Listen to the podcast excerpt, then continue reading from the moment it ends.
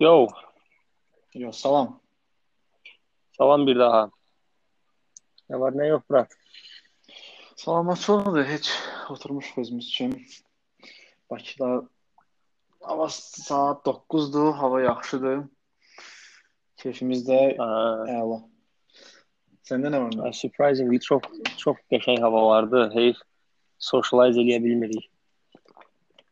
Heç nə başım başımıza bir korona düşüb, o da onun daxilində altından çıxa bilmirik. Haydi be, uşaq korona sözünə çok böyle iğrenç reaksiyon var.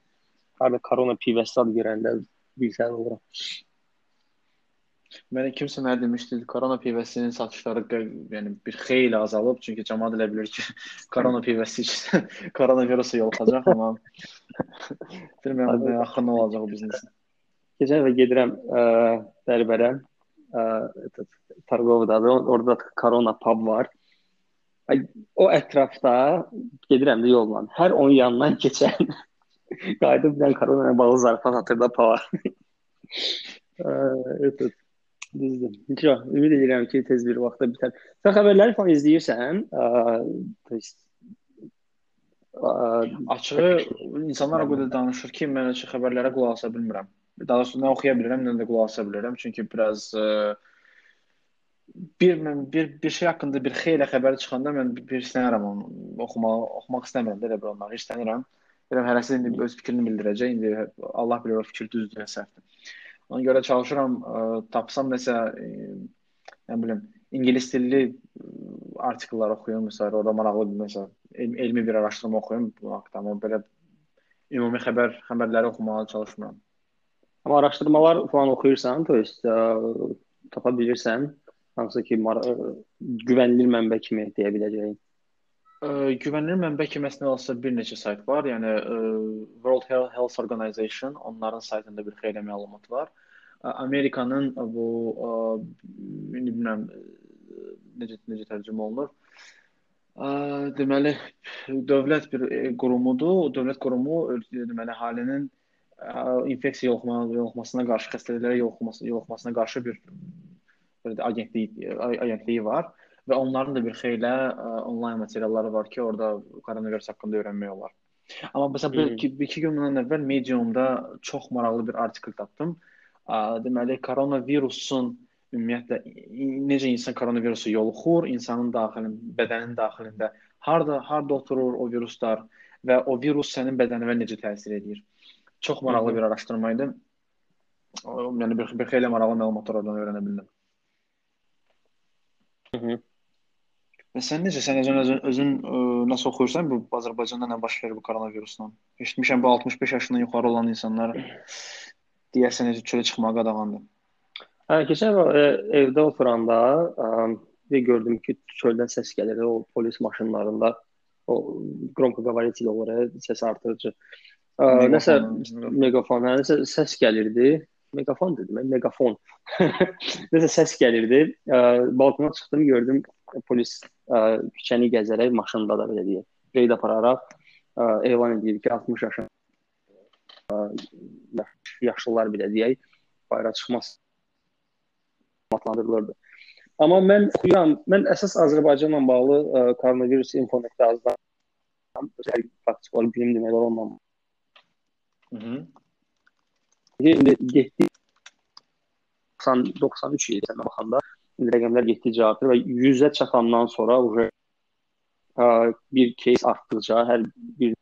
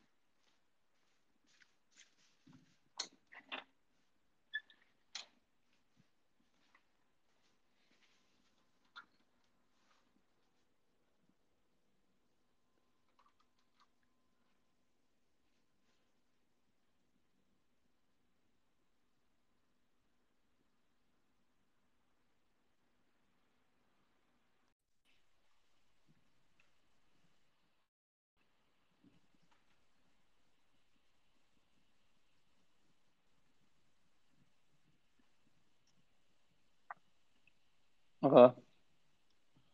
Kamran, hə, eşidirəm. A, maraqlıdır. Mən bayaqdan danışıram. Akazvısı atıb ə, Anchor. Qulasanlara deyək ki, ə, biz ağa ilə bir test eləyirik hal-hazırda. Anchor platforması var, podcasting üçün. Və burada record with friends özəlliyi var. Dostluğu dəvət edirsən bir yerdə podkast yazırsınız, onu yoxlayırıq. Bir neçə bir 5-10 dəqiqə danışdıqda hardasa ə, nəsə atdı. Yenidən danışacağıq deyəsən. Təxminən 5 dəqiqə qədər bizim danışığımız davam etmişdi. Hə, əsas ilə koronavirusdan danışırdıq. Ə, mən sualım sual verdim sənə, gördüm ki, artıq Ankara'dan atıb. Ə, mənim maraqlıdır ki, ə, koronavirus info.az saytı vardı. Orada mütəmadi olaraq rəqəmlər dəyişir. Ə, neçə nəfər yoluxub, neçə nəfər sağalıb, neçə nəfər ə, həyatını ə, itirib və s.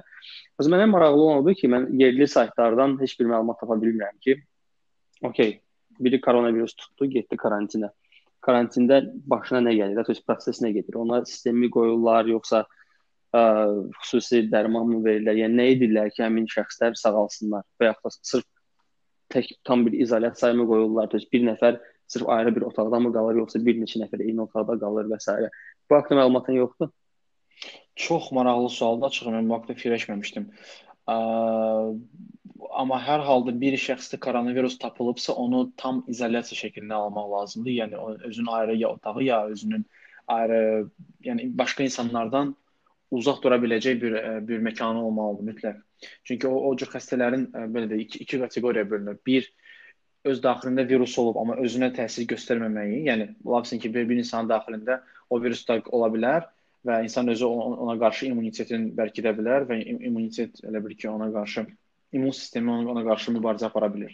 Amma e, deməli inkubat e, virusun inkubasiya periodunun birinci 2-3 gün ərzində e, konsentrasiyası ən e, çox olan perioddur. Ona görə bu periodda əgər, əgər yanında kimsə varsa, kimlənsə danışıb, asqırıb, öskürübsə, o halda digər insan yoluxa bilər. Amma kimsə o, o, o, hospitalizasiya eləyirlərsə, o orada problem biraz başqadır. Çünki ola bilsin ki, bədəndə immunitet zəif olduğuna görə virus ə, e, qanla ə, e, başlayır dövrə eləməyə və oturur hüceyrələrin üstünə. Bir ə, e, virus hüceyrələrin üstünə oturanda hüceyrələrin üzərində, üzərində bəzi proteinlər var. Onların sayəsində hüceyrələrin öz daxilinə keçir. Və ondan sonra yalnız immunitet görür ki, immun sistemi görür ki, hə, bax bizim burada hansı bir hüceyrə var. Hüceyrə nəsə aktivliyi biraz başqa dəyişib və bədənə bədənə xas olan bir davranış göstərmir. O halda immunitet sistemi belə panikaya düşür və həmin o hüceyrəni öldürməyə çalışır. Və normalda bir insanların xəstələndiyi, xəstələnəndə ya öl ölmə səbəblərindən biri də budur. Çünki immunitet qəflətən panikaya düşür və öz-öz hüceyrələrini öldürməyə başlayır. Ona görə indi hal-hazırda vaksinalar və həkimlər buna qarşı dərmanlar tapmağa çalışırlar ki, tutalım, koronavirus bədəndə olur olsun. Amma birdən o hüceyrəyə daxil olub və immunitet özü özünü öldürməyə başlayan, özünü özünü öldürməyə başlayanda onun qarşısını necə alsınlar? Onu hələ həkimlər araşdırmağa çalışırlar. Hmm. Mən baxıram biraz, Twitterdən falan izləyirəm də, İtaliyadan, Amerikadan. Amerikada daha çox tapmamışam düzünü desəm, məsələn İtalyanlarda arada çox kritik vəziyyətdir. Karantində olanlar və vəziyyəti çox ağır olanlar video falan paylaşıb təcrübələrini bölüşürlər, amma o ekstrem кейsdir ki, hansı ki təsəvvürə uzanıb nəf normal nəfəs ala bilmir, xüsusi aparatla nəfəs alır və s. Ona görə mənə maraqlı qalır. Çünki mən də əslində ə, yəni karantinə getmiş, amma ə, nəticəsi neqativ çıxmış adamları tanıyıram, hansı ki ə, Almaniyadan, Britaniyadan və s. təyyarə ilə gəlib sıraz onu aparıblar karantinə. Yəni onu bilmək olur ki, yəni gözləyirlər 2 həftə falan ə, qalır orada. 2 həftə deyəndə ki, 2 dənə testin nəticəsi çıxana bilər ikisi neqativ çıxır, buraxırlar. Amma kimdə ki pozitiv çıxır ə, nəticə, onda proses nə necə gedir, nə ə, onun üzərində tövsiyə əməliyyatlar aparılır, o mənim maraqlıdır və çox təəssüf ki, bu haqqda məlumat yoxdur. Həm də mən fikirləşirəm ki, bilmirəm sən özün görürsən yoxsa yox, elə sən də vaxtının əksər hissəsini bayırda keçirdirsən də, ə, mən də məsələn günün yarısını ə, işləyirəm, yarısını harsa 3-dən sonra evə gəlirəm.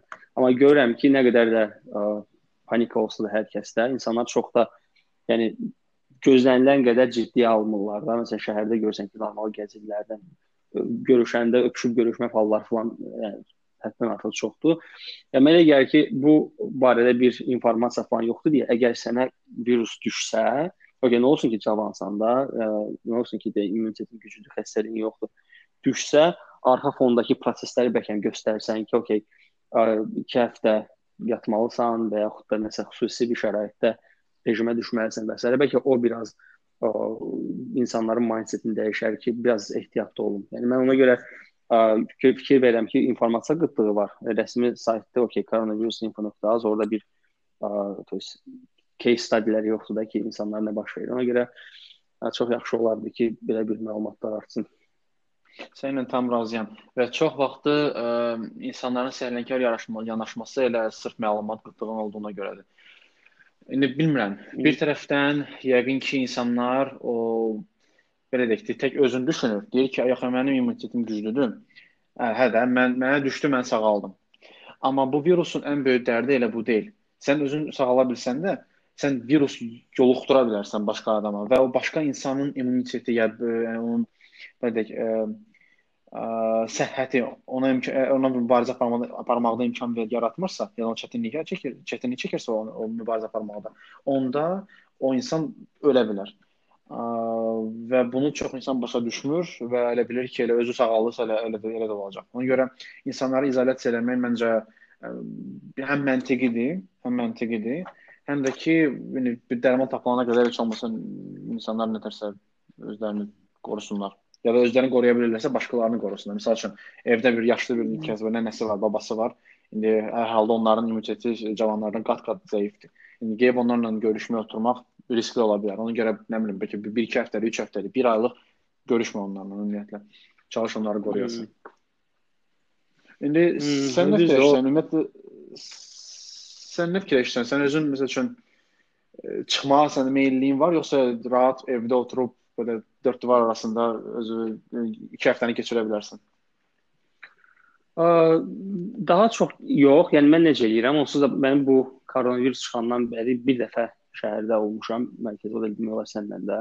Və ya da ki, indi məsələn bu həftə sonu adam yəni əslində insanlara başa düşmək olar ki, yəni evdə oturmaqla çox darıxırlar, həm də ə, bəlkə də yəni evdən işləmək biraz o mentaliteti falan da yoxdur deyə bizdə hələ o tuta bilmirlər də ki, necə eləyək ki, həm ə, özümüzü safe saxlayaq, ə, təhlükəsiz şəraitdə saxlayaq, həm də ki, digər insanları təhlükəsiz şey eləyək. Məsələn, məndə o məndə o var düz uzun illər remot işləmişəm və s. evdə işləmək falan uzun illər bu təcrübəm olub, amma özümdə də istəyirəm ki, evdə qalanda effekt, yəni iş sırf iş mövzusundan desə effektivliyim biraz düşür. Çünki ə, uzun illər adam öyrəşir ki, okay, office environmentında olsun, nə bilim, bir masan olsun, oturasan, işləyəsən və s. Onu mən belə həll edirəm ki, ə, biz indi şirkətdə işləyəndə belə bir rejim qoymuşuq ki, biz bütün gün işləmirik. Saat 10-da gəlirik, hansı ki fiziki fiziki olaraq ofisdə olmalıyıq, kiçik bir komandayıq da. Gəlirik, saat hardasa 1-ə 2-yə qədər işləyirik, çıxırıq. Yəni mən praktik olaraq bu müddətdə evdən çıxıram maşına, maşından girirəm ofisə və eyni yola abratını qayıdıram. Hətta məsəl üçün həftəlik alış-veriş falan edirdik. İndi həftəlik alış-verişdə belə məsələn Bravo gedirik. Maksimum sürətli bir şəkildə edirik. Okay, qabaqcadan spesifik yığdıq, yoldaşımla qoyduq və to-do listə. Hə, okay, falan şey, falan şey, falan şey tez bazar yığdıq, çıxdıq ki, çox insan içində olmayaq. Amma indi-indi təzə bir, ə, yəni ki, hardasa son bir həftə, 10 gün falan belə keçdi.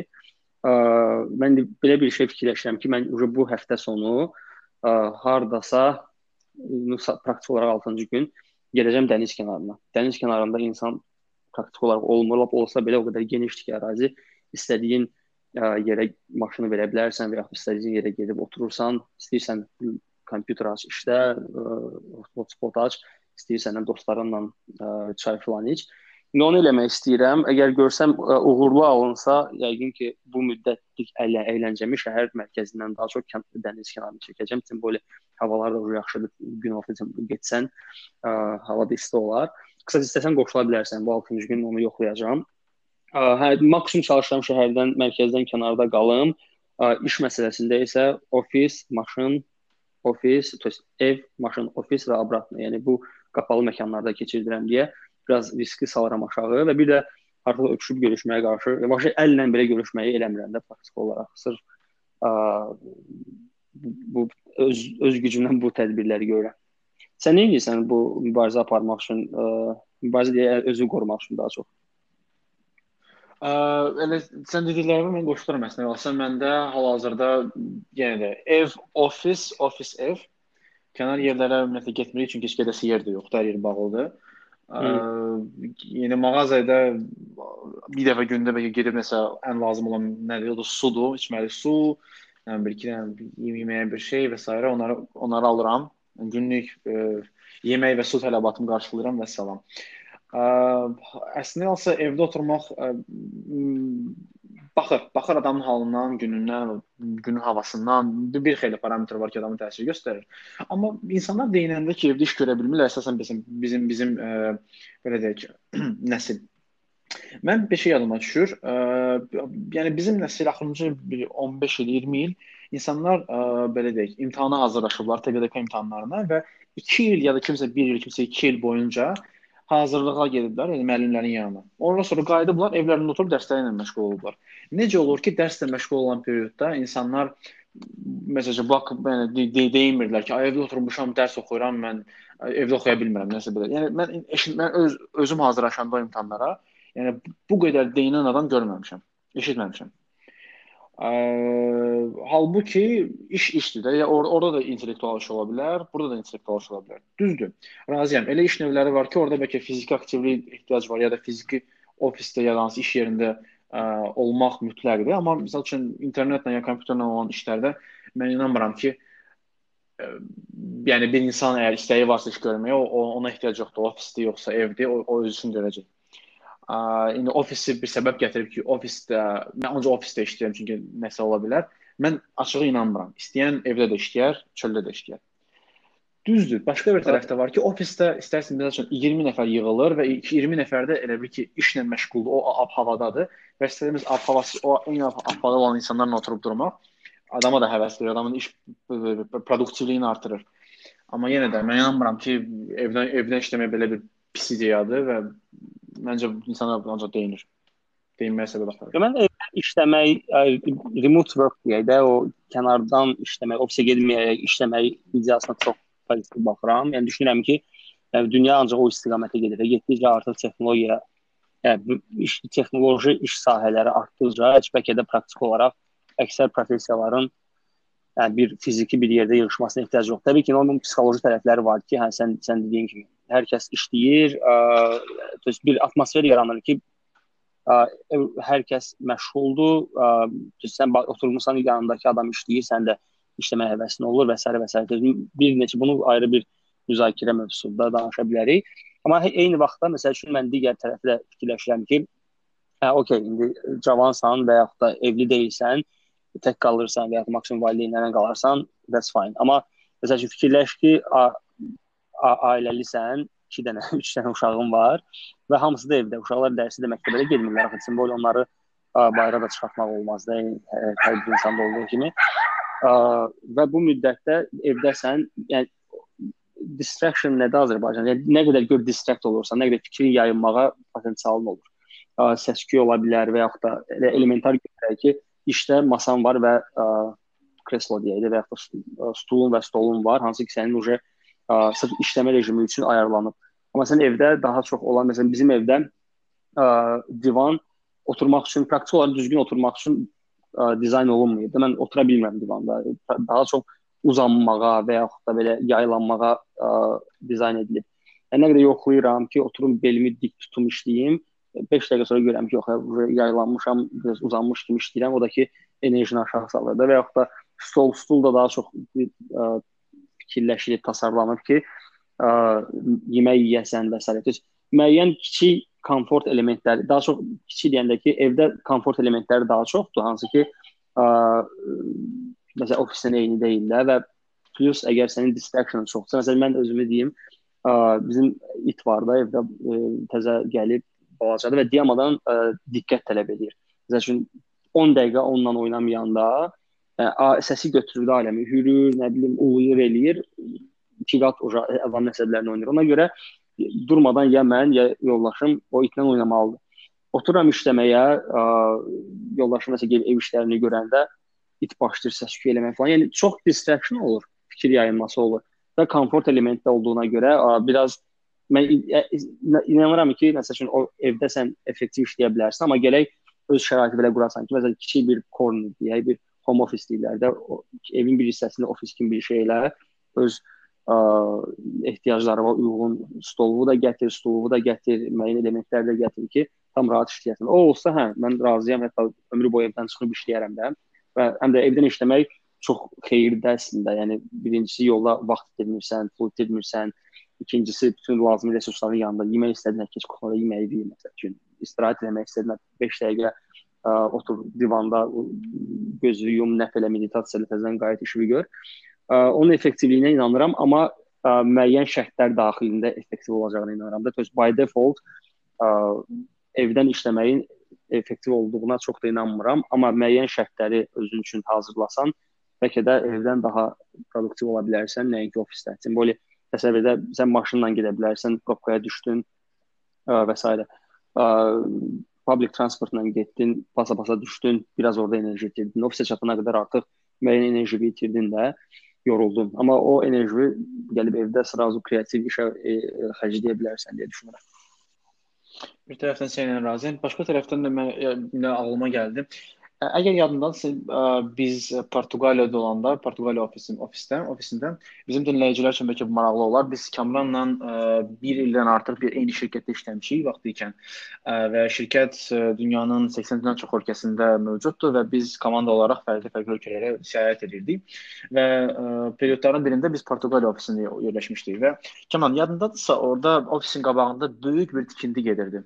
Qazırdılar, qazırdılar, gündə qazırdılar ay elə nə bilim, e, səsin əlindən tərpənmək olmadı. Zəngilərə girirdik, qulağımızın danışırsan, bir qulağında da orada perforatorla nəsə işləyirlər. Adamın özünün qulağı kar olur az qala. Məsələn, o vaxt yadımdadır ki, hə, məsəl üçün səs mənbəyi, ümumiyyətlə bu cür səs, səs adam əməlli başlı korlayırdı. Və bir tərəfdən də fikirləşirəm ki, yəqin ki, insanlar o qədər ofis ofis özlərindən belə deyək də, inandırıblar ki, ofisdə oturanda ofisdə mən produktivəm. Bu bu nə deməkdir? Ofisdə də səs-küy var. Ofisin divarlarından kənarda da səs-küylər olur. Maşın da fırlanır, nə bilim, kimsə qışqırır, kimsə it hürür orada və s.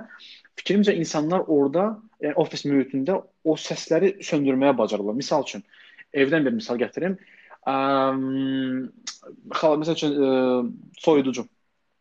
Normalda soyuducu işləyəndə ondan hansı bir ə, səviyyədə bir səs çıxır. Amma o səs o qədər daimidir ki, biz ona fikir vermirik. Amma bir anda ki soyuducu söndü, biz fikir veririk "A, orada soyuducu var. A, burada sən demə o işləyirmiş, indi işləmir."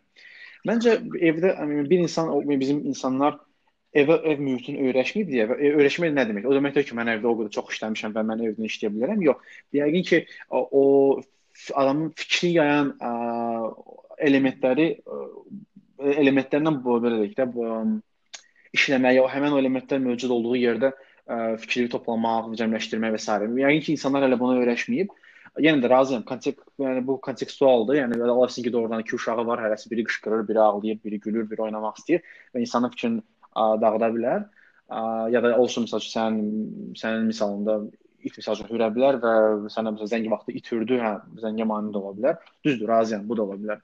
Amma fikrimcə insanlar yəni indidən başlasa öz ev mühitlərini hansısa bir iş rejimi formasına salmaq, Yəni məsəl üçün mənim mənim misalımda mən hər qonaq otağında bir dənə yeyib içmək üçün böyük bir stol olur. Yəni bizdə də adəti ki, Ramazanda bizdə də bir stol var. Amma mən o stolu zəbt eləmişəm ki, bura iş masası olacaq. Burada ə, biz nə qonaq, nə bir şey, ümumiyyətlə bu stol tamamilə mənim olacaq və burada mən ə, özüm üçün o iş mühitini yaratmağa çalışacağam.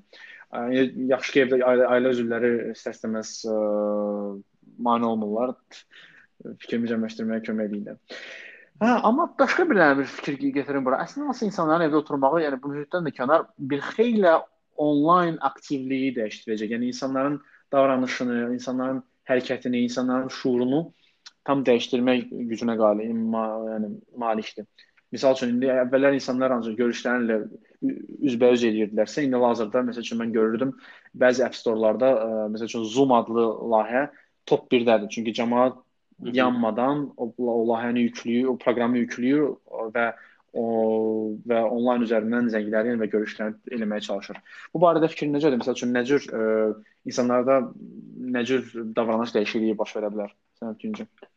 Mən də ə, bunu görürəm, ə, belə deyək də müşahidəsini aparıram. Daha koronavirus o panikası təzə başlayanda mən Twitterdə girib oxuyurdum ki, bütün praktiki olaraq stoklar düşürdü. Daha o vaxt bir neft başladı düşməyə, sonra ə, praktiki olaraq fiziki mağazası olan və yaxud da işinin müəyyən hissəsi fiziki ə, fiziki obyektlərdən belə deyək, keçən şirkətlərin aksiyaları çox sürətli şəkildə düşməyə başladı.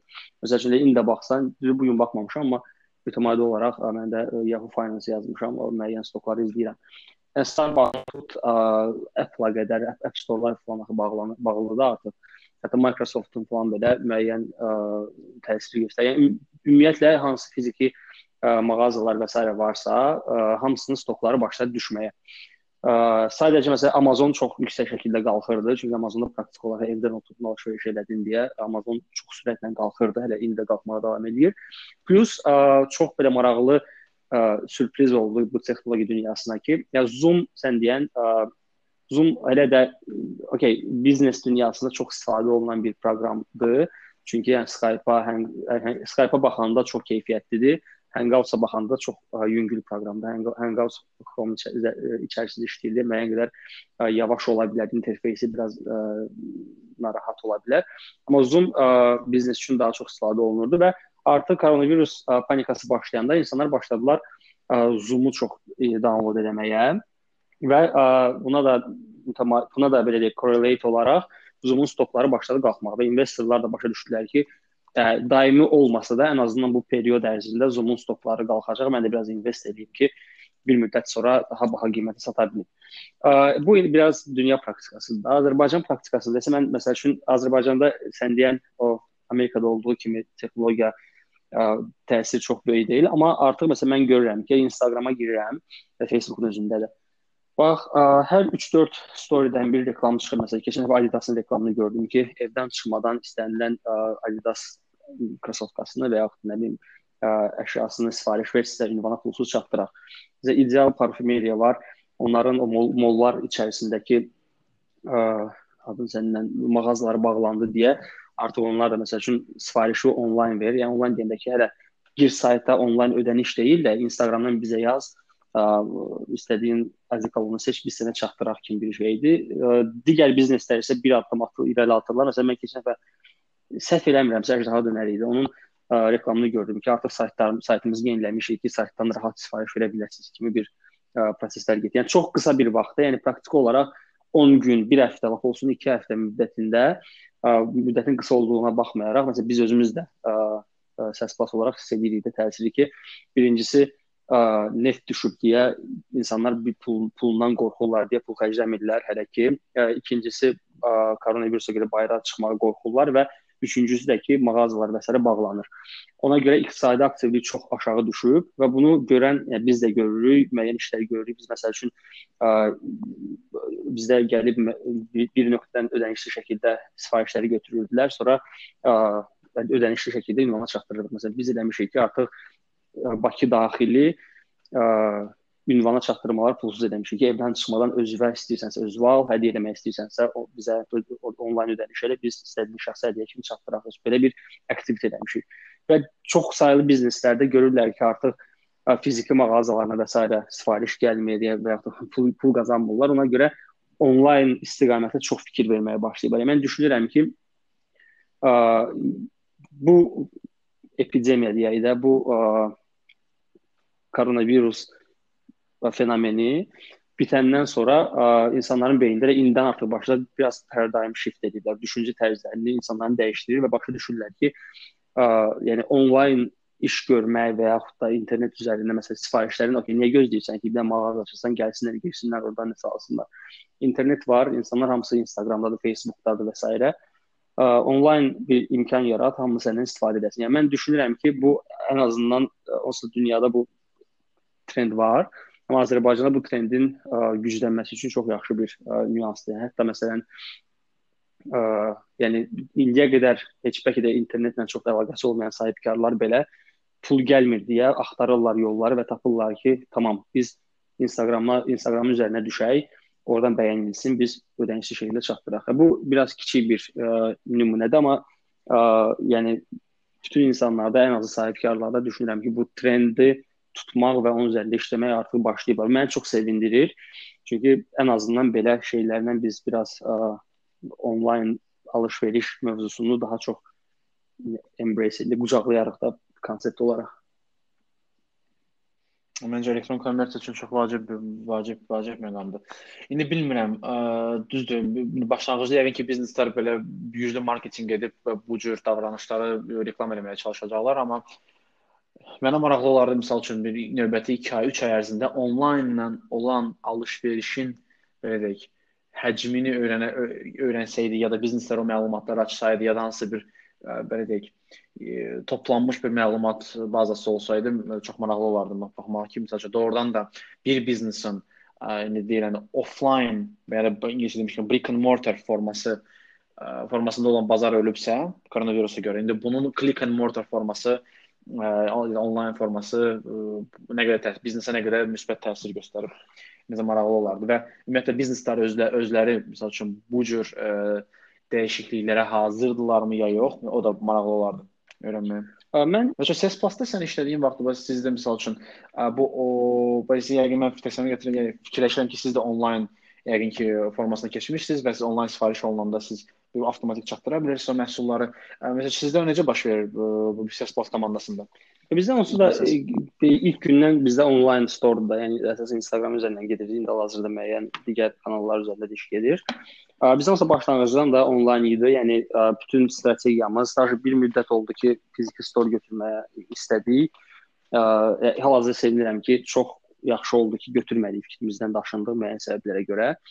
Ya praktik olaraq onlayn əgər sənin store-un varsa, Mən məsələn son statistikalara görə hardasa Bakıda, sırf Bakıda 2 milyon 100 min yoxsa 200 min, yəni 2 milyon ə, plus Instagram istifadəçisi var. Bu deməkdir ki, praktiki olaraq indi ekstrem yaşlı nəsli çıxsa və çox cavan nəsli çıxsa, cavan dediyində yəni uşaqları çıxsa, bəlkə uşaqların Instagram var azdır, amma ki praktiki olaraq yəni 7 yaş, 8 yaş aşağısını çıxsa və praktik olaraq 55 yaş yuxarısına çıxsaq, demək olar hər kəs Instagramda Azərbaycanda. Hətta Instagramda daha çox istifadə olunur, nəinki Facebook.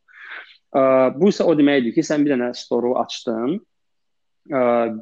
Sənin texniki imkanın var ki, öz brendi, öz təklifi istənilən Bakıda olan istənilən, hətta Azərbaycanda belə deyirəm, amma indi Bakıdan danışırıq hal-hazırda. Bakıda olan istənilən insanın ekranına öz məlumatını çıxardasan. Yəni praktik olaraq 2 milyon 100 min nəfər adama sən reklamını göstərə bilərsən. Ə, yəni okey, bəyənərlər, bəyənməzlər və s. amma və bu o qədər şeydir ki, yəni o qədər əl çatan bir şeydir ki də Instagram reklamı üzərindən sənin sırf bilməli olduğun şey odur ki, biraz o reklamları düzgün idarə etmək, düzgün targetləmək və s.dir. Onu elədinsə, hətta sənin ə, xərclərin çox az olacaq və rezultatın çox böyük olacaq. Yəni bu Ə, sən mən bilirəm ki, Gary Vaynerchukun çox podkastlarına falan qulaq asırsan da, məsəl üçün mən də bir müddət qulaq asanda, bir neçə ay əvvəl o özü ə, o da qeyd edirdi ki, Instagram reklamları çox ə, ə, nə deyək, ə, yəni lazımından çox ucuzdur və çox böyük bir imkanlar var Instagramda. Amma insanlar əsasən sahibkarlar maraqlıdır ki, bunu bu imkanları ignore edir. Uh, it's very underrated deyir. Yəni çox underrated bir uh, platformadır biznes üçün. Hansı ki, çox ucuz bir qiymətə, çox böyük bir əhaliyə sən göstərə bilərsən. Təsəvvür et ki, sənin fiziki mağazan var. Lap deyək, şəhərin ən yaxşı yerində, məsəl üçün Targovun düz ortasında. Yəni bir həftə ərzində nə qədər adam sənin ə, mağazanı görəcək, fikir verəcək və içəri girəcək. Məsələn, deyək, yəni lap partlatdın, günə ən azından indiki halında sayma bir 100 min nəfər keçsə onun yanından, ə, onun məsəl üçün bir 20% fikir versə, yəni 20 min insan sən sən praktik olaraq brendi göstərirsən, amma brendi yəni sən loqonu göstərirsən, təkliflərin içəridə olan xüsusi endirimləri və s. yəni maksimum qısa bir ə, falan faiz endirimlə sən qeyd edə bilərsən, bir konteksti vermirsən.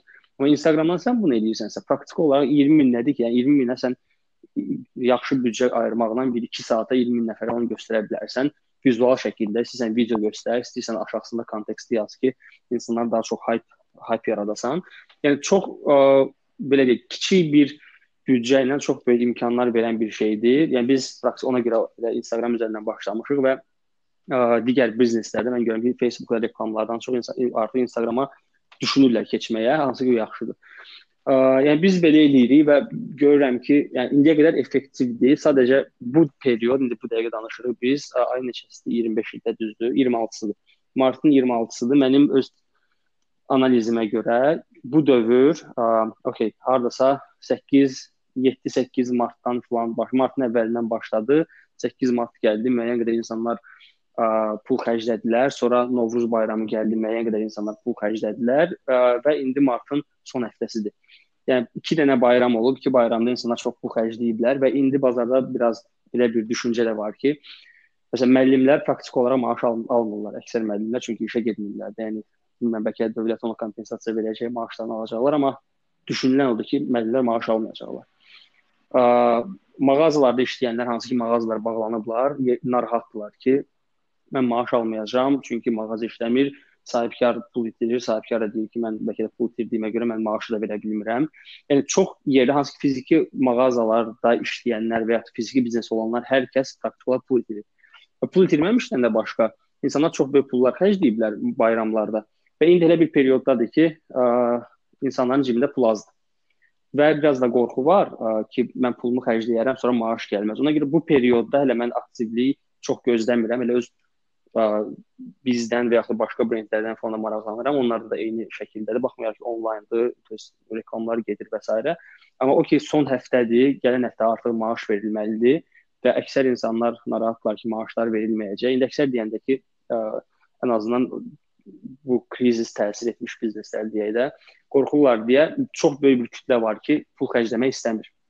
Və onlar da pul dövriyyəsi yaranmır deyə hər kəs biraz qazancı azalır da praktik olaraq. Ona görə bu həftə keçsin. Mən düşünürəm ki, bu onlayn biznesə axının nəticələrini mən düşünürəm aprelin ilk həftəsindən başlayaraq çox güman görməyə başlayacağıq.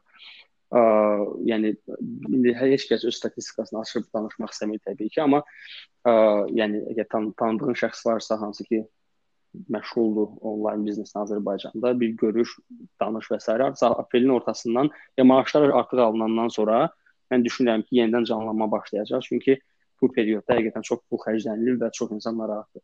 Ona görə indi nəsə bir şey demək ə, mən, mən düşünürəm ki, tezdir. Okay, bizneslər keçir, bu çox əla bir şeydir, amma bunun effekti varmı? Bu həftə üçün deyə bilmərəm, amma gələn həftələrdən artıq bir şey demək olacaq, çünki maaş alanlar artıq almış olacaq qorxan şəxslər ki, mən maaş almayacağam, bu bəlli olacaq vəziyyətlər ki, maaş alırlarsa rahatlardır, rahat pul xərcləyə bilərlər. Almayacaqlarsa da onlar ilə onsuz da bir müddət gözləyəsi olacaqlar da. Yəni uzun sözün qısası hələ tezdir. Məncə gözləyək aprelin ilk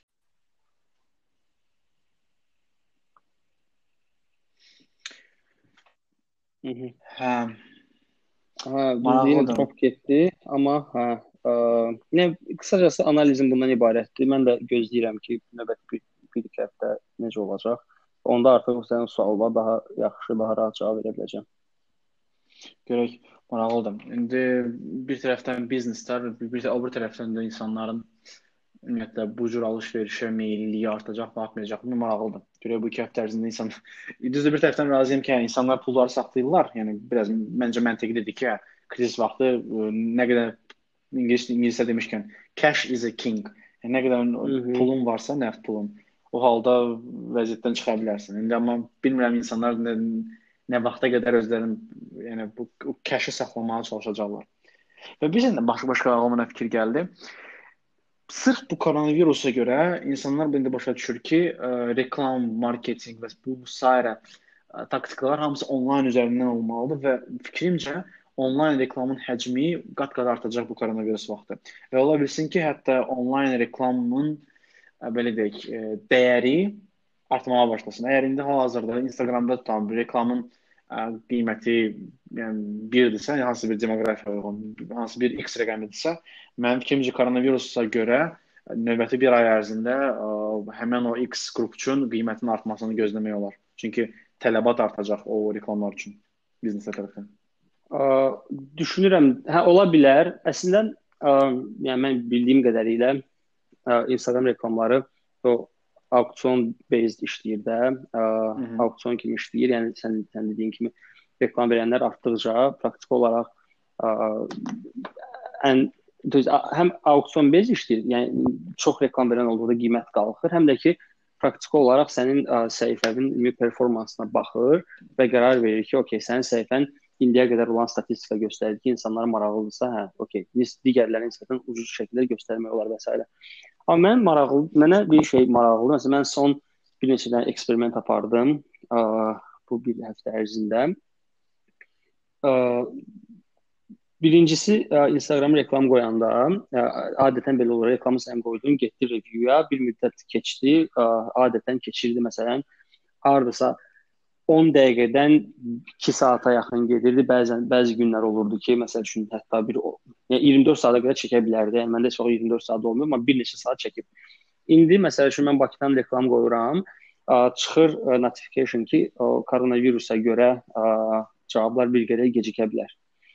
Okay, cavablar bir qədər gecikə bilər, mesaj çıxır, amma ki, ya bir də görürsən anidən mənim reklamım artıq approve olundu. Yəni heç 2 dəqiqə keçmədi. Yəni maksimum bu bir neçə həftə ərzində özüm sırf müəyyən eksperimentlər aparıram ki, bu məsələni başa düşüm. Və görürəm ki, bir də gördün, yəni 3-5 dəqiqə keçməmiş artıq bütün reklamlar reviewdan çıxır, ə, gedir artıq ə, iş, işləməyə başlayır. Mən burada fikirləşirəm ki, Yəni praktik olaraq bütün dünyada, yəni US-də falan həqiqətən bu koronavirusa görə reklamların review prosesi çox uzun çəkir. Amma Azərbaycanda praktik bəlkə də başqa ölkələrdə də belədir, amma Azərbaycanda bu biraz əks işlədi. Hansı ki tez bir zamanda approve olundu və başlayır reklamlar işləməyə. Bu düşünürəm ki, əslində ə, bəlkə də indi okey biz müəyyən brendləri görürük də, okey Adidas verdi, ideal göstərir və s. və s. bir neçə dənə brendlər ə, reklam verir. Amma kiçik brendlər də var, orta sahibkarlar var, kiçik sahibkarlar var, ya da Facebook səhifəsi var, məsələn, müəyyən aksesuar satır, müəyyən xidmət satır. Onlar belə, yəni onlar reklam verənlər arasında, yəni praktik olaraq Instagramın o review mexanizminə və yaxud da Instagramda kim komandalar hansı ki ə, approve eləyirlər, AI ola bilər, şəxslər ola bilər. Onlar üçün fərqi yoxdur da ə, bu reklam verən şəxsin ə, biznesi nə boydadır. Hər bir reklam request onlarda bir request kimi görsənir və onlar istər manual olsun, istər AI tərəfindən approve olunur. Və Azərbaycanda mən apardığım eksperimentlər göstərir ki, yəni mən belə nəticə əldə edirəm ki, mənim reklamlarımın reviewdan tez keçib artıq onlayn olmasının səbəbi odur ki, əksinə çox bizneslər hələ ki reklam vermirlər. Onlar da çox güman başa düşürlər ki, reklam verəcəm, insanlarda alıcılıq qabiliyyəti azdır və s. və s. müəyyən qədər artıq mart çox xərcli aydır, xərcləyiblər, maaşlar gəlməli və s. çox man gözləyirlər o prosesi. Və ə, çox az mən özümüzü, yəni özümü kiçik və orta sahibkar kimi sayıram da, daha kiçik sahibkar saya bilərəm, nəinki orta. Ə, mənim kimi şəxslərin əksəriyyəti çox hümanitə reklam vermir. Ona görə mən verəndə ə, bir queue yoxdur da, bir növbə olmadığına görə tez bir zamanda ə, approve olunur. Yəni bu mənim ə, dəqiq bilmirəm, ə, nəzəriyyə deyək. İndi ə, ə, belə bir şey baş verib deyə ə, mənim düşüncəm budur. E, bir neçə gün davam eləyəcəm də, gündəlik kiçik reklamlar buraxıb baxacağam görüm nəticəsi necə olacaq. Amma düşünürəm ki, böyük brendlər bunu eləyirlər, amma kiçik brendlər ə, biraz çəkinirlər hələ ki ə, reklam verməyə. Düşünürlər ki, effektli olmayacaq. Ola bilsin və ona görə də yəqin ki, idealın qoyduğu reklamın qiyməti ilə elə biləcəyiz. Sən hazırda qoyduğun reklamın əslində qiymətləri eyni olmalıdır, çünki mən inanmıram ki, bir xeyli orada auksion prosesi var və sən demişkən ə, reklama belə deyək, reklam istifadə edən sahibkarların sayı ya da istifadəçilərin sayı kifayət qədər azdır. Görək, hmm. görək ə, bir ərzində necə dəyişəcək bunlar hamısı. Deməli, maraqlıdır Kamran. Görək bu koronavirus bizim başımıza nə açır, amma mən bir xeyli dəyişmişəm, belə deyək fərqli bizneslər var ki, ə, misal üçün bizimki ə, məsələn sən keçmiş oldu işlədiyin yer Stars olsun ya da ümumiyyətlə o bazarda e, deməli onların məhsulları əksərən əksəri əksəriyyəti offline ilə bağlı bağlı bağlıdır deyə, misal üçün tədbirlər olsun, proqramlar olsun və s. İndi hal-hazırda əksər ə, belə deyək, sponsorlar ya donorlar ə, bu cür tədbirlərdə tədbirlər sponsorlamaq və maliyyə yatırmağa imtina edirlər və mən indi mənə özümə maraqlıdır ki, məsəl üçün bu bizneslər hal-hazırda ümumiyyətlə sağ qala biləcək ya yox. Məsəl üçün mən mən təxmin edirəm ki, bu bizneslər orta, yəni iri oyunçudularsa, təxminən 30 və ya 40% ə, belə deyək ki, gəlirlərini itirə bilərlər növbəti 6 ay ərzində. Hı -hı. İndi əgər əgər belə şirkətlər görsə ki, doğrudan 6 ay ərzində misal üçün bunlar heç bir yatırım eləməyiblər və ə, ümumiyyətlə belə deyək, bu sənaye tamamilə necə bizim dilimizdə desək çökürsə, ə, heç bilmirəm ondan sonra nə olacaq. Ümumiyyətlə sponsorlar bu cür tədbirlərə pul verəcək ya verməyəcək. Ümumiyyətlə və belə bir sual doğurur ki, yəni çıxır ki, ümumiyyətlə o cür tədbirlərə ehtiyac varmı ya yoxmu? Yəni niyə biz məsəl üçün bu qədər böyük bir tədbir eləyirik? Nəyə görə ora o qədər insanlar gəlir o tədbirə və onların bir xeyirə xərci var, nə bilim, bunun səhnəsi var, bunun qonaqları var, üçün 50-dən çox ölkədən qonaqlar gəlir, onların biletləri var və s. Ümumiyyətlə bunun nə qədər buna ehtiyac var ya yoxdur? Məsəl üçün çox maraqlı bir sualdır. Bilmirəm, açıq heç bilmirəm Bazar necə qalxacaq bu koronavirus şeyi? Ə, dostum var, ona şey US-də işləyir. Ə, indi iş yerinin adını demək istəmirəm, amma ə, yəni işi birbaşa belə bir iqtisadi planninqlə falan bağlıdır və yetərincə də düz böyük bir finans qurumunda çalışır, böyük vəzifədə. Keçən də danışırdı. Mən dedi ki, biz analiz aparırıq, bazar analizi aparırıq ki, başa düşək ə, ən azından növbəti bir neçə ayın ə, proyeksiyasını verək ki, necə olacaq vəziyyət və biz bir finans qurumu olaraq buna necə reaksiya verməliyik. Və mənə deyir ki, bizim apardığımız araşdırmalar nəticəsində bəlli olur ki, 2008-ci ildə o finansal kriz oldu. Bütün göstəricilər hazırda Amerikada bu şəkildədir. Daha hətta deyir ki, müəyyən sahələrdə hətta ondan daha dərin bir krizis atmosferi var. Çünki indi biz okey Azərbaycanda hiss olunur təbii ki, bütün bizneslər əziyyət çəkir, amma Amerikada bu ə, təsir daha böyükdür. Çünki orada insanlar belə ə, nə deyək, belə vəziyyətlərə çox tamam fərqli bir reaksiya verirlər. Azərbaycanda dimdik danışırıq ki, hə, yenə də şəhərə çıxırlar, gəzirlər və s. Orada yəni şəkillərə falan baxsan, New York Times və s. önəmli yerlər bomboşdur. Dövlət özü encourage edir ki, insanlar bayıra çıxmasınlar və pul xərclənilmir. Yəni apteklər və marketlərdən başqa pul xərclənilmir. Mən sonra bir də NPR-ın bir maraqlı podkastı var, adı Planet Money idi. Onlar mütəmadi olaraq bu kriz başlayandan, koronavirus ə, ə, epidemiyası başlayandan müəyyən analizlər falan da aparırlar. Yəni texniki olaraq aviasiya işçiləri hamısı ə, təhlükədədir.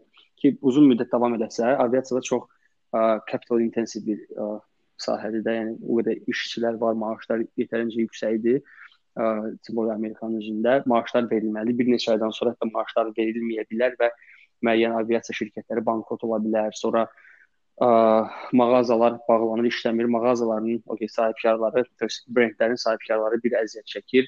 Mağazanı rent out edən sahibkarlar bir əziyyət çəkir. Yəni bütün iqtisadiyyatda durğunluq var, pul axını yoxdur və insanlar pulları xərcləmirlər. Və düşün, indi mən o, o qədər detallı danışmadıq, hələ özləri də bilmirlər ki, yəni nə neçə ay davam eləsə o qlobal finansı e, tut, ə, kriz başlaya bilər, amma ən azından indiki halda 2008-ci ilin ə, finans ə, krizisi ki göstəriciləri orada var hal-hazırda. E, mən ona görə mənim də biraz narahat narahatçılığım ondan ibarətdir ki, əgər bu ə, okey, apreli apreldə də belə olsa, hə, recover olması çətin bir şey deyil. Virus qutardı, təsdiqləndi ki, hər şey yaxşıdır, bütün bizneslər qaldığı yerdən davam eləyəcəklər. Amma bir neçə ay getsə, aprel, may, yəni yayı yaya qədər getsə, mən düşünürəm ki, çox böyük bir ə, təhlükədir bütün iqtisadiyyat üçün. Ə, yəni okey, dövlətlər nə qədər dəstək olsalar da, okey, məsəl üçün Fransa iqtisadiyyatının canlanmasına X qədər 2 milyard, 200 milyard desəm pul ayırdı. Amerika fikirləşir ki, hər bir şəxsə 1500 dollar falan hesabına pul keçirsin ki, biraz ə, insanların moralini yüksəltsin və s. amma ə, o deyildi. Yəni okey, insana sən pulu verdin, kömək elədin, amma yenə də iqtisadiyyatda pul fırlanmırsa, ə, cash flow getmirsə, ə, yenə də vəziyyət gərgin olacaq. Yəni biraz narahatçılığım var sırf bir neçə ay davam eləməsinə görə, amma apreldə əgər ə, yola verə bilsək, necə deyirlər, düşünürəm ki, maydan hər şey qaldığı yerdə davam edəcək. Okay, indi Azərbaycanda neft qiyməti məsələsi də var, amma onu nəzərə almasaq, yəni həyat ola bilsin, qaldığı yerdən davam edəsin. Sitlər ki, hə, yəni onu onu bilmirəm, o çox elə bir mövzudur ki, ə, mən biraz ə, yəni entrepreneurlar üçün, sahibkarlar üçün praktik olaraq sitlər işləyir texnoloji şirkətlərlə və onlayn məncə düzgün proqramlar qursalar yetərincə yəni iş gedər. Ən azından o mission dediyi dedikləri şeyi eləyə bilərlər. Amma uje ondan pul qazanılacaqmı, sponsorlar olacaqmı, hə, o ayrı bir məsələdir. Tam razıyam. Yəni hal-hazırda o cür şirkətlərin belə deyək, sağ qalmasının ən böyük e, amili yəqin ki, onlar yəqin ki, yox, 100% onların təqdim etdiyi məhsullardır. Məhsullar da normalda nə olurdu? Yəni təhsil, ingiliscə ingiliscə desək capacity building və ya ə, insanların bir-birinə bir-birini əlavə qurması üçün platformalar, yəni offline platformalar normalda bunlar. Amma bunlar hamısı onlayna keçməsə tez bir zamanda yəqin ki, bu cür bizneslərə böyük bir təsir göstərə bilər hal-hazırda. Ona görə görək, görək bazar necə oynayacaq və bəlkə də hansısa bir kiçik onlayn oyunçular qəflətən bazarda da peyda olub ə, öz məhsullarını təqdim edə bilərlər. Ə, maraqlıdır. Maraqlıdır görək bunun axırı nə olur.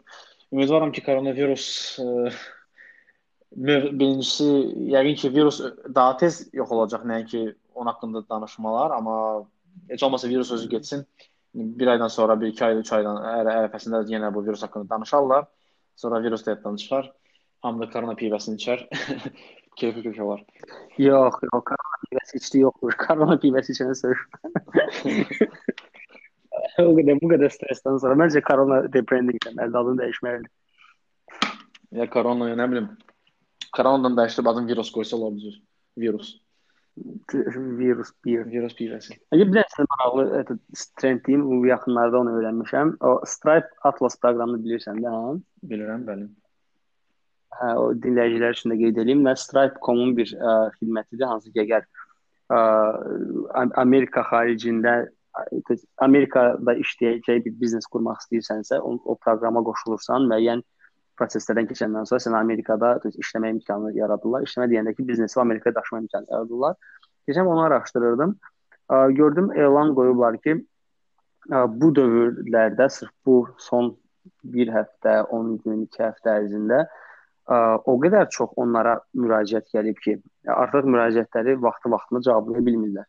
Və ona görə öncədən elan verdilər ki, əgər müraciət edirsənsə, narahat olma, müraciətə baxılacaq. Sadəcə çox qeyri-adi bir yüksək bir ə, axın var hal-hazırda bu proqrama. Hmm. Əgər çalışırıq overtime işləyib bunu qarşılayaq. Yəni düşünürəm ki, bu o, o da sırf əsas onlayn bizneslər olar yönəlir də ki, o online payment gateway-dir ki, onlayn ödənişlər qəbul edəsən elə bir tooldur. Hə, ə, Stripe tərəfində belə bir trend görürəm ki, onlarda da onlara çox böyük axın var ki, kömək eləmənə onlayn biznesə keçin və s. insanlar çalışırlar Amerikada şirkət falan açsınlar. onlayn tərəfə çox böyük təsir var. Prosta maraqlıdır ki, bir qurum olardı. Götürüb bütün bu ə, indi indi olmasında amma ən azından yaxın bir neçə müddətdə bir ə, analiz aparardı ki, bu koronavirusun bizneslərin onlayn mühitə keçməsinə təsiri kimi bir araşdırma aparıb paylaşsaydı, yəni çox sevə-sevə oxuyardı. Hmm, olardı. Yəni ki, araşdırmalar hal-hazırda yəni, bilmirəm, düz özüm baxmamışam, yəqin ki, biraz araşdırmaq lazımdır. Amma bir bir nəm səhər gördüm Harvard e, Business Review koronavirusla bağlı və ümumiyyətlə o mövzuya aidiyəti olan bütün artikelləri ə, e, free eləyib.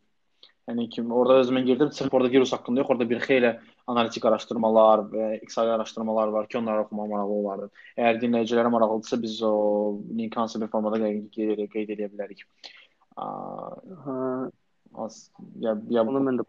Ha, o maraqlı, maraqlı, maraqlı bir şeydir. Um, ona baxmaq lazımdır. Hmm. İşte belə ağa biz deməli keçən ə, yazıda hansı drop olmamışdan qabaq bir deyəsən 20, ən azı 20 dəqiqə danışdıq, düzdür? Düzdür. Hə, burada 15 dəqiqə danışdıq və ə, məncə çox maraqlı müzakirə getdi. Ə, biz bu təklif edirəm ki, bu epizodu artıq yekunlaşdıraq və mütəmadi olaraq belə müzakirəyə davam edək. Yəni ə, həm brainstorm edirik müəyyən mövzular ətrafında, həm də kimsə dinləyib əgər ə, xeyir görəcəksə, xeyirli olacaqsa kiməsə ə, bizim üçün də çox xoş olar. Ə, nə fikirləşirsən? Let's call it a day. Gəl. Məncə məncə çox maraqlı bir müzakirə olub və neçə epizoddan sonra biz bunu hətta onlayn şəkildə də, video şəklində də keçir, yəni keçirə bilərik. Fikirləşirəm ki, bu video və pod podkast birlikdə olsa, ə, lap dəhşət olar. Hmm, Heç nə dinləyicilər, siz də ə, əgər ə, sizə maraqlı oldusa, bizim də hər halda öz səhifələrimizdə paylaşacağıq bu linkləri dinləyin. Ə, müəyyən feedback deyək, müəyyən kommentariyalarınız, müəyyən fikirləriniz varsa bizlə bölüşün. Biz bunu eksperimental bir quote on quote bir layihə kimi eləyirik, amma ə, düşünürük ki, ən azından özümüzün marağı var ki, davam eləyək. Əgər sizə də maraqlıdırsa, ə, təkliflərinizi və yaxud da şərhlərinizi verin, nəzərə alacağıq. Və çox sağ olun bizi dinlədiyiniz üçün. Ağa çox sağ ol. Ə, qoşuldu, belə maraqlı müzakirə apardıq. Təşəkkür edirəm. Sənə görə çox sağ ol Kəmran. Ə, hamıya da uğurlar və sağlam həyat arzulayıram. Özünüzü qoruyun. #evdə qal. Evdə qal. Hələlik. Uğurlar.